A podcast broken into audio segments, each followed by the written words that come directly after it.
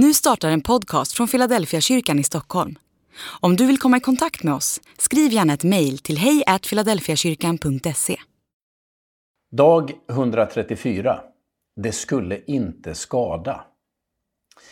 De elva lärjungarna begav sig till Galileen, till det berg dit Jesus hade befallt dem att gå. När de fick se honom där föll de ner och hyllade honom, men några tvivlade.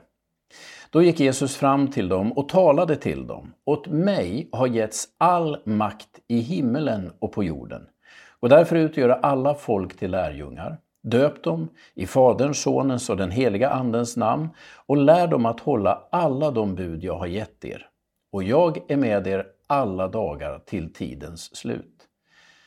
Matteus kapitel 28, vers 16 20.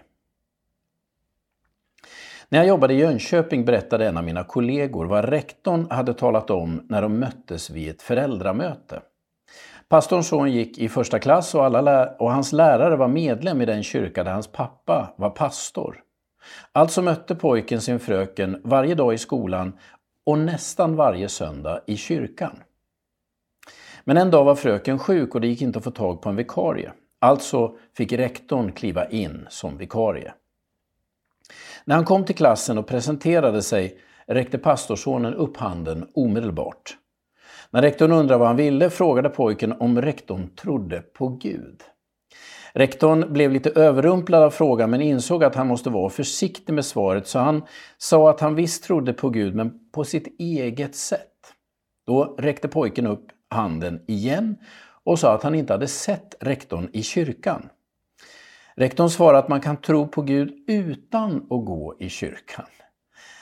Direkt räckte pastorsonen upp handen igen och, sa nu, och nu sa han, det skulle inte skada om rektorn gick till kyrkan.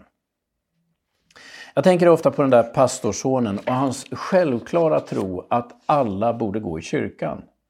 Den tron är precis vad Jesus försöker ingjuta i sina lärjungar. Hans död och uppståndelse berör inte bara honom själv och de närmast sörjande. Han sträcker sig mot alla människor överallt och i alla tider.